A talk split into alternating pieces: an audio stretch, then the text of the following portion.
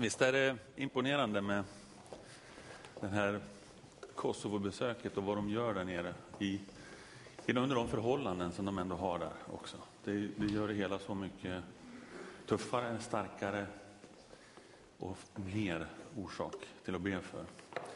Thank you, you impressed us with your works down there. Då ska vi gå in i bibelordet här. Och eh, allra först ska jag nämna och prata om en person, en av evangelisterna i Bibeln, som heter Matteus. Och eh, Jesus ger dig en ny chans.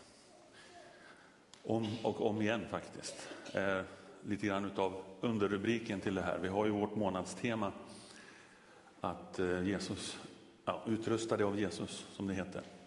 Hela maj månad har vi talat över det grundämnet. Och eh, sen tänkte jag att vi skulle ge oss in på de här två punkterna då. Huvuddragen i det jag ska säga idag handlar om de här två punkterna, vad Jesus också utrustar oss med. Det finns ju massor av saker att räkna upp naturligtvis. Eh, det här är två punkter jag tänker röra mig kring nu. Nåden, han ger oss nåden. Det är han som ger oss möjligheten, biljetten, passersedeln eller kalla det vad du vill, till himlen, till det eviga livet, till friden, till förlåtelsen. Han är också den som är med och ger oss levnadsråd för livet. Guds principer som ger oss hjälp och som ger oss trygghet och som ger oss ett så mycket bättre liv om vi väljer att lyssna på de här levnadsråden, på de här tankarna och på de här principerna som Gud ger oss exempel på.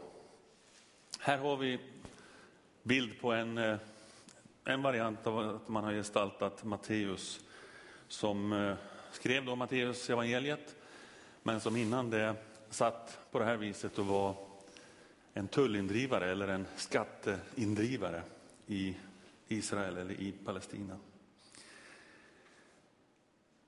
Matteus historia ska vi titta på alldeles strax. Först vill jag bara be dig att tänka över din egen historia lite grann. Din egen situation, ditt eget liv. Och att då tänka den här tanken, vad tänker Gud om dig? Vad tror du Gud tänker när han tänker på dig? Vad ser han för någonting? Vad är hans tankar om dig och ditt liv? Det är en ganska viktig fråga egentligen, därför att den styr ganska mycket av ditt eget liv, ditt eget sätt att leva och tänka. Utan att du kanske tänker i den ordningen så, så är det ändå det som det slutligen speglar faktiskt. Din historia har betydelse, men tänker Gud, tror du, på det som har hänt i ditt liv? Tänker han på det historiska, saker som du har gjort eller misstag som du har hållit på med eller andra saker som, som eh, du på något sätt tänker på först av allt? Tror du att det är vad Gud också tänker på? Tror du att det är vad han ser när han ser dig? Eller tror du han tänker också på din framtid? Tror du han har något djupare i sin tanke när det gäller dig? Tror du att han skakar huvudet över vad som har hänt i ditt liv? Tror du han tänker liksom, nej, vilken hopplös person? Jag tror inte det. Eller jag vet att han inte gör det. Inte enligt vad vi kan få fram ur Bibelns budskap om honom och beskrivning om hur han tänker, hur han agerar. Tror du att han njuter åt utvecklingen av det liv du har haft? Eller vilken tankebana har du? Fundera över det själv. Du behöver inte berätta det här. Men fundera lite grann över det. För svaren på de här frågorna är ganska avgörande betydelse för din egen syn på Gud, för din egen syn på dig själv och för din egen syn på din egen framtid. När människor kommer till kyrkan eh, så kommer man av lite olika skäl. En del kommer för att nu vill jag få någonting av Gud, jag vill ha någonting av honom, ett tilltal av honom eller någon form av upplevelse av Gud själv eller av Jesus. Medan en del kanske kommer och känner att jag ska göra min plikt den här veckan. Det är söndag och då borde jag gå till kyrkan. Då går jag dit och sätter mig där och det är det viktiga liksom att jag fullgör min, min, eh, ja, min uppgift på något sätt, min skyldighet. Jag tror inte det är så många som gör det idag kanske, men på en del ställen tror jag det finns. Kanske även här idag, jag vet inte. En del kommer hit för att vara med, för medverka och en del kommer hit för att kanske sitta med och sjunga och tycker det är en härlig gemenskap. Men oavsett den orsaken som ligger bakom att du är här idag, så kan jag lugnt säga att Gud har någonting för dig här och idag. Fullständigt ointressant varför du kom faktiskt. Det påverkar inte huruvida han har någonting för dig eller inte. För han har det, garanterat. Det kan hända att du deltar i den här gudstjänsten och är med hela tiden och går ifrån och till och med kanske missar vad det var Gud hade för dig. Det är möjligt, man kan ju göra det om man är upptagen av helt annat och inte kan fokusera på det. Men han kommer ändå att ha någonting till dig. Om inte annat så har han det här till dig. Och det är att förmedla det här budskapet idag, att du är älskad så mycket mer än vad du tror. Det är något han vill ha sagt till dig idag. Så på ett sätt så har jag på något sätt täckt in liksom, att nu har alla fått åtminstone det. Och det är någonting som Gud vill säga till oss och upprepa för oss, att han älskar oss. Matteus då, om vi tänker oss honom där. Han hade det här yrket, han hade det här jobbet att, att syssla med skatteindrivande. Han var jude och han jobbade åt romarna. Han jobbade för Rom och för det romerska riket och gjorde det här jobbet åt dem, att dra in skatten. Det här var en slags franchise-modell kan man säga, skulle det kallas för idag, om det vore en, en business idag som man gjorde på det här sättet. Och det betyder att eh, det är personer som tar åt sig en visst uppdrag. De ska lämna en viss summa vidare till de som de gör uppdraget åt, men de får också en del själva av vad de drar in. Och när det gällde dealen som man hade mellan de här tullindrivarna och romarna, så var det det att man kom överens om hur mycket man skulle dra in i form av skatt och tull ifrån judarna. Och eh, sen kunde man lägga på egentligen vad man ville själv. Det brydde de sig inte så mycket om. Vilket skapade en väldigt jobbig moralisk situation och en väldigt jobbig situation rent socialt med de här skatteindrivarna. De blev inte så där superpopulära. Nu kunde de bete sig naturligtvis på lite olika sätt eftersom de var lite fria där. Men många av dem använde det här läget att dra in en massa mer pengar därför att det fick de behålla själva. Ganska märkligt system på ett sätt. Tänk om vi hade så här idag i Sverige. De här var inte så populära som sagt, utan de hade, de hade väldigt få vänner. De här personerna som Matteus var. De hade i stort sett inga vänner alls, mer än andra skatteindrivare som inte hade så mycket bättre ställning i samhället än vad de här hade. Så de blev på något sätt eh, kompisar där och kunde vara med varandra och de kunde ha en, en gemenskap på något sätt, mest med varandra egentligen och inte så mycket med de andra. Varför då? Ja, därför att romarna, de, de gillade dem ju inte alls, de hatade dem därför att de var judar, men de gjorde sitt jobb bara och så fick de sköta det där jobbet. Judarna hade problem att hata med de här personerna också faktiskt, därför att de, jobb, de svek ju folket liksom. De skodde sig på judarna själva och passade på att tjäna pengar på, ja, till sig själva.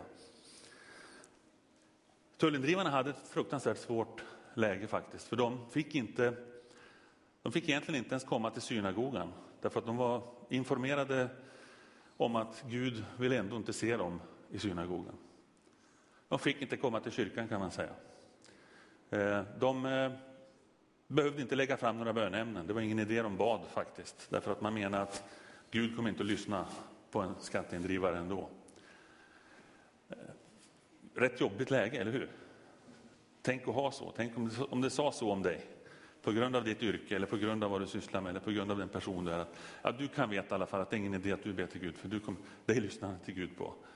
Att man skulle lära ut en sån sak, det vore ganska tufft. Och i det läget är Matteus när han sitter där, när Jesus kommer till honom. Hur kunde man då ha ett sånt här jobb? Hur kunde man söka ett sånt jobb? Hur kunde man vilja ha en sån, eh, en sån fruktansvärd uppgift egentligen? Där man mer eller mindre blev hatad av folk runt omkring på en gång. Ja, kan, det, finns ju, det finns yrken hos oss också som, som ibland kanske kan, men det är inte lika allvarligt som det här var. Det bara for igenom mig nu. En del sysslar med saker som inte är så populära i Sverige också. Parkerar man fel till exempel så kommer det någon som sköter sitt jobb och de är inte så jättepopulära. Men inte riktigt på samma nivå. Det här är betydligt eh, tuffare egentligen. Man hade tillgång till de romerska soldaterna för att man skulle få möjlighet att driva in om det behövdes, de här skatterna och de här tullarna som man skulle ha in. Eh, man hade väl insett att ja, jag kommer ändå aldrig att nå himlen. De säger ju som de säger och Gud lyssnar inte på mig och så vidare. Så det är lika bra att jag satsar järnet på det här och får leva så gott jag kan och dra in så mycket pengar som möjligt på en kort tid här på jorden. Så man blev liksom lite isolerad, en väldigt speciell yrkesgrupp. Det är lika bra att få ut vad jag kan få ut. Sen ser vi när Jesus kommer till honom och vi ska lyssna på det om vi har ljud på, på, på maskinerna här också. Eh, det är en väldigt speciell situation och ganska starkt när han kommer förbi där.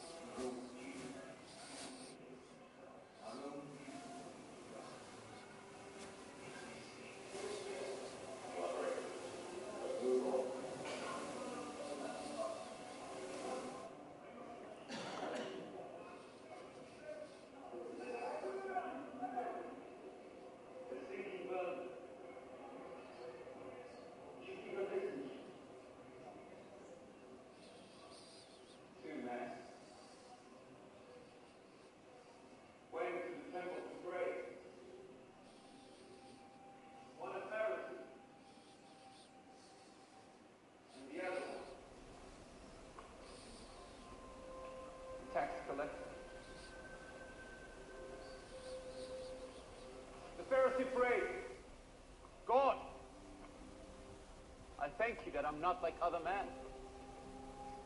Thieves, adulterers, or this tax collector.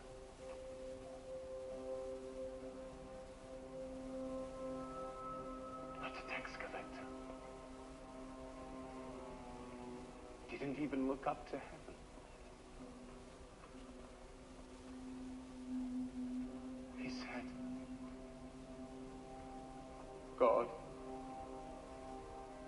Mercy on me. I'm a sinner.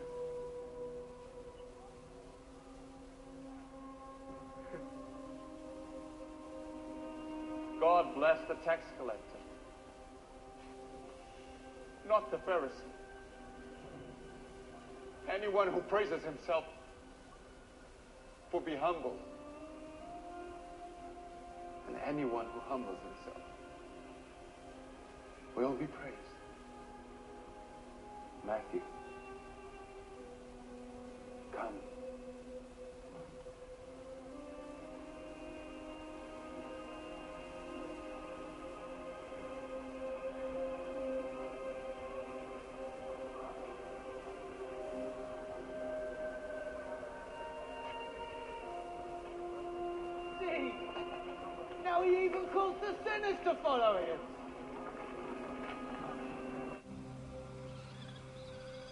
Tax collectors. There's not a thread of good in any of them. Thomas, Jesus has not come for the good, but for the sinners. He gives people a second chance. We should too.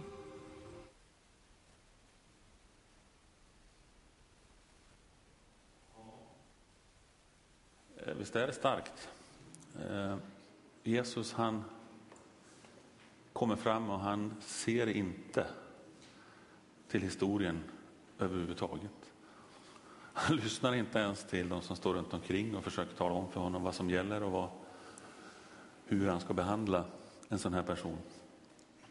Utan han ger sin fulla tro och kärlek även till den här mannen som har den bakgrunden han har. Och det beror på att Jesus han ser mig som jag är, alltid. Han ser oss som vi är i det läge vi kommer till honom. Det står i den där texten att Jesus han gick vidare och han fick se en man som hette Matteus. Eh, det, det ligger något starkt i det där, även om det är en vanlig formulering bara för att berätta någonting. så är det något starkt i att ta till sig detta att Jesus, han ser oss. Han struntar inte i oss, utan han ser oss. De flesta av de här de gick förbi, de ville inte se honom, de ville inte ha med den där mannen att göra. Men Jesus, han såg den här mannen och då såg han någonting mer. För att knyta an till det jag sa i början, tänk över ditt liv. Vad tror du Gud ser? Vad tror du Jesus ser? Vad tänker du omkring ditt liv och vad tror du han tänker om ditt liv? Ja, han tänkte inte först och främst på fel, misstag, brott och annat tragiskt. Utan han tänkte, vad kan bli av den här mannen? Vem kan han bli? Vem kan jag kalla honom till? Vad kan jag göra med honom? Han har chansen att få följa mig precis som alla andra. För det andra så älskar han oss som vi är. Han älskar dig som du är. Och det visar han också i den här gärningen som det står om sen i den här texten som vi får upp här på stora skärmen. När Jesus sedan var gäst i hans hem så kom många tullindrivare och syndare och de låg till bords tillsammans med Jesus och hans lärjungar. Fariseerna fick se det här och frågade hans lärjungar, varför äter er mästare med tullindrivare och syndare? Jesus hörde det och sa, det är inte de friska som behöver läkare, utan de sjuka. Gå och lär er vad detta betyder. Jag vill se barmhärtighet och inte offer. Jag har inte kommit för att kalla rättfärdiga, utan syndare. Det är uppenbart och det är väldigt tydligt att eh, han visar dem kärlek, för det gör man när man kommer hem och delar gemenskapen, delar måltiden med människor på det sättet. Han visar, han ger dem en slags ja, godkännande, ett erkännande, inte för de synder och de fel de har gjort, men för de, den människa Matteus är och som Jesus ser i honom. De var chockade över att han åt med dem, men för honom var det naturligt att göra det. Vidare direkt till punkt tre där. Han kallar dig också som du är. Vilket eh, kan väl låta en enkel sanning det med. Men tänker du efter så är det ganska vanligt att vi när vi får en kallelse av Gud eller när han ber oss om någonting eller när han vill kalla oss in i ett uppdrag eller något så är det ganska vanligt att vi liksom börjar, ja men inte nu liksom, utan det får bli sen. Jag klarar inte det här nu. Det här är inte, jag är inte utrustad för det här eller jag vet inte hur jag ska lyckas. Men han kallar dig nu. När han kallar dig så kallar han dig inte sen. Och då har han kommit till dig som du är. Han har sett dig som du är. Han älskar dig som du är. Och han kallar dig också som du är, även om du inte är fullkomlig. Om du kan utföra det här uppdraget som han kallar dig till under 70, 80, 100 år framöver så kommer du fortfarande inte att vara perfekt fullkomlig efter de åren och vara värdig på något sätt. Utan han kallar dig som du är. Så skjut inte upp det om du har gått och funderat på det en tid och bett honom vänta. Därför att han kallar dig när det är time, när det är dags. Och en fjärde punkt. Han lämnar mig inte som jag är. Här kommer det något som säger då lite annorlunda. Inte, står det där. Det står i Filipperbrevet att jag är övertygad om att han som har, för, som har börjat ett gott verk i er också ska fullborda det till Jesu Kristi dag. Det står eh, på ett annat bibelställe i Efesierbrevet att av nåden är ni frälsta genom tron, inte av er själva. Guds gåva är det och inte på grund av gärningar för att ingen ska kunna berömma sig. Hans verk är vi, skapade i Kristus Jesus till goda gärningar som Gud har förberett för att vi ska vandra i dem. Han har en tanke med en förändring i våra liv. Efter att du tar emot honom, efter att du väljer att gå tillsammans med Jesus, så har han tankar för framtiden och han har planer och han har goda, bara bra grejer som kommer att hända dig. Ja, jag menar inte att livet kommer att bli fullständigt felfritt bara för det. Det är inte så jag menar. Men jag menar att hans tankar, hans planer som han förbereder dig för och som han sätter dig in i, de är goda. Det är inget du behöver vara rädd för att han kommer att dra in dig i något som blir ett elände för dig. Det blir bara bra. Det blir bättre än vad det var innan. Du kommer att uppleva det så. Han eh, mötte Matteus som vi såg där i den lilla filmsnutten. Då ser vi att han gick ju inte igenom någonting Eh, först så, så kallade han honom som han var, som jag sa. Och han gick inte igenom en massa poster som man måste först skärpa till. Och det här är något vi behöver ta till oss och vi pratar ganska mycket om det här nu för tiden, tack och lov, i den kristna kyrkan. Att vi kan inte, vi måste akta oss för att lägga upp färdiga mallar och mönster som folk ska in i. Om en människa lever ett liv som inte vi är vana att leva eller som inte vi är liksom helt bekanta med, så betyder inte det att den här människan måste först ändra sitt liv och bete sig som vi gör, använda de här orden som vi gör, prisa rättfärdighet, alla sådana här saker och formuleringar som vi använder som inte så många annars använder i samhället. Man måste inte lära sig språket först. Man måste inte gå igenom allting och kunna det här kristna livet först för att kunna komma till honom. Nej, vi ser ju hur Jesus gjorde. Han, han sa direkt bara, kom, följ mig. Följ mig. Utifrån vilken position, utifrån vilket läge? Ja, utifrån det läge han var, där han satt. Som tullindrivare, som skatteindrivare, som hatad människa i samhället. Så säger han bara direkt, kom. Men sen vet vi av historien och av Bibeln att han lämnar inte heller Matteus riktigt som han var. Han blev förändrad.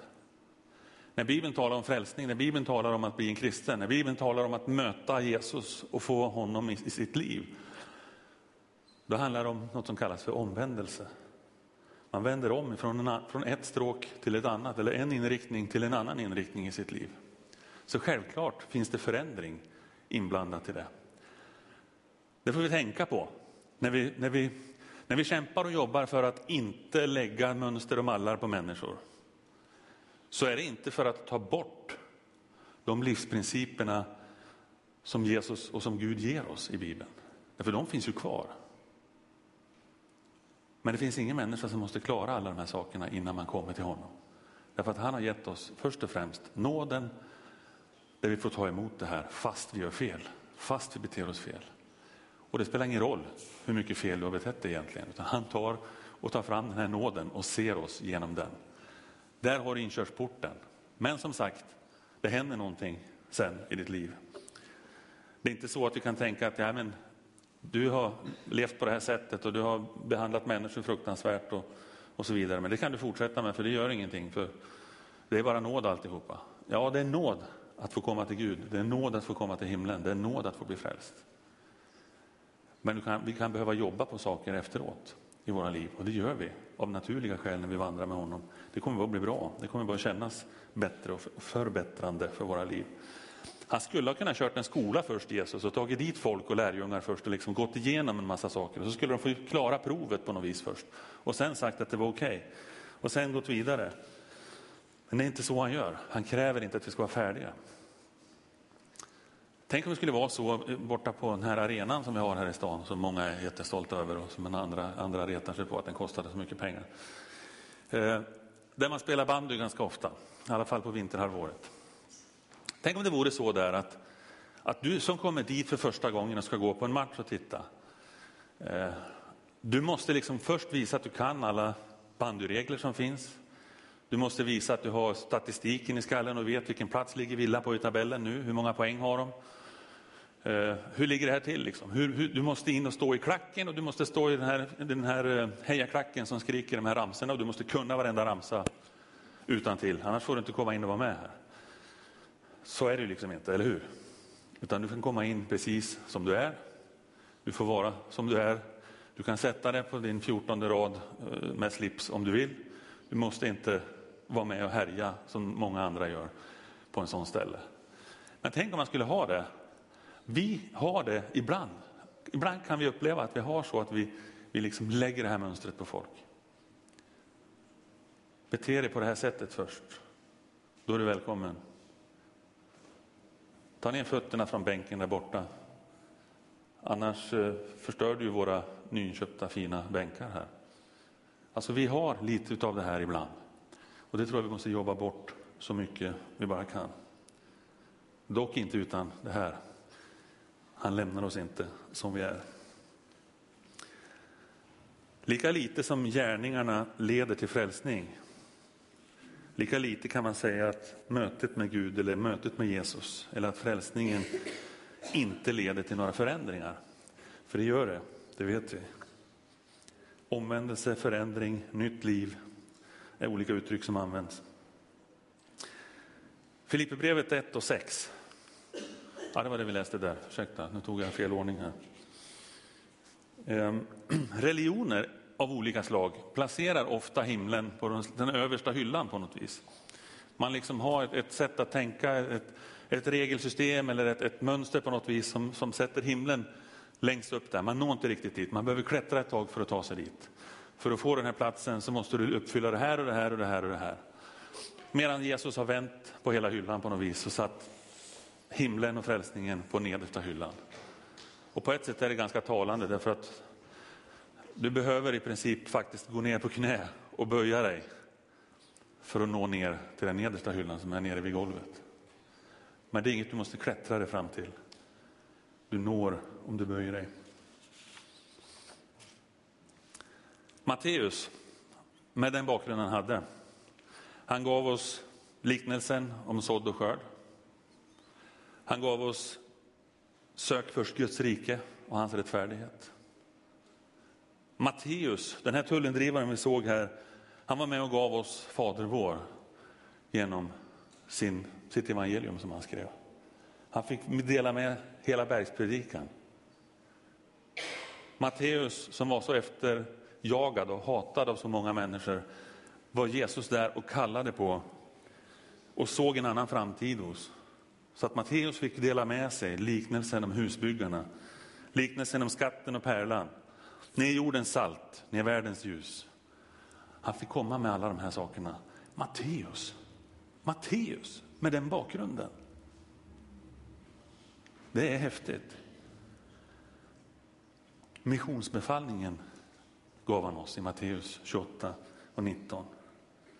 Alla andra människor runt omkring såg Matteus förflutna och hans nu. Men Jesus såg hans framtid och hans möjligheter. Andra såg hans fel medan Jesus såg vad han kunde bli. Och åter till den här frågan i början. Vad ser Gud i dig? Nuet, historien, framtiden. Det är väldigt avgörande hur du ser på det. Tänk på det. Amen. Tack Jesus att du var ett sådant exempel för oss. Tack att du gav oss exempel genom lärjungarna och genom många människor runt omkring. Exempel på hur du tänker, på hur du hanterar oss och hur du älskar oss. Och hur du, ja, hur du bara tar det till oss i din famn, Herre. Jag ber Herre för den som idag har funderat över sin framtid. Haft svårt att säga ja till kallelsen för man känner sig inte färdig som har funderat över att, ja, hur du, du ser på honom eller henne och tänkt att det kanske inte är så enkelt och inte så bra. Jag ber Jesus att du delar med dig av din goda syn på oss. Din kärleksfulla blick. Dina kärleksfulla ord till oss, Herre. Som inte ser till misstagen, utan som ser till möjligheterna. Tack för nåden. Och tack för de livsavgörande råden, reglerna, tipsen som du delar med dig av i ditt ord, som gör våra liv så mycket bättre. Amen.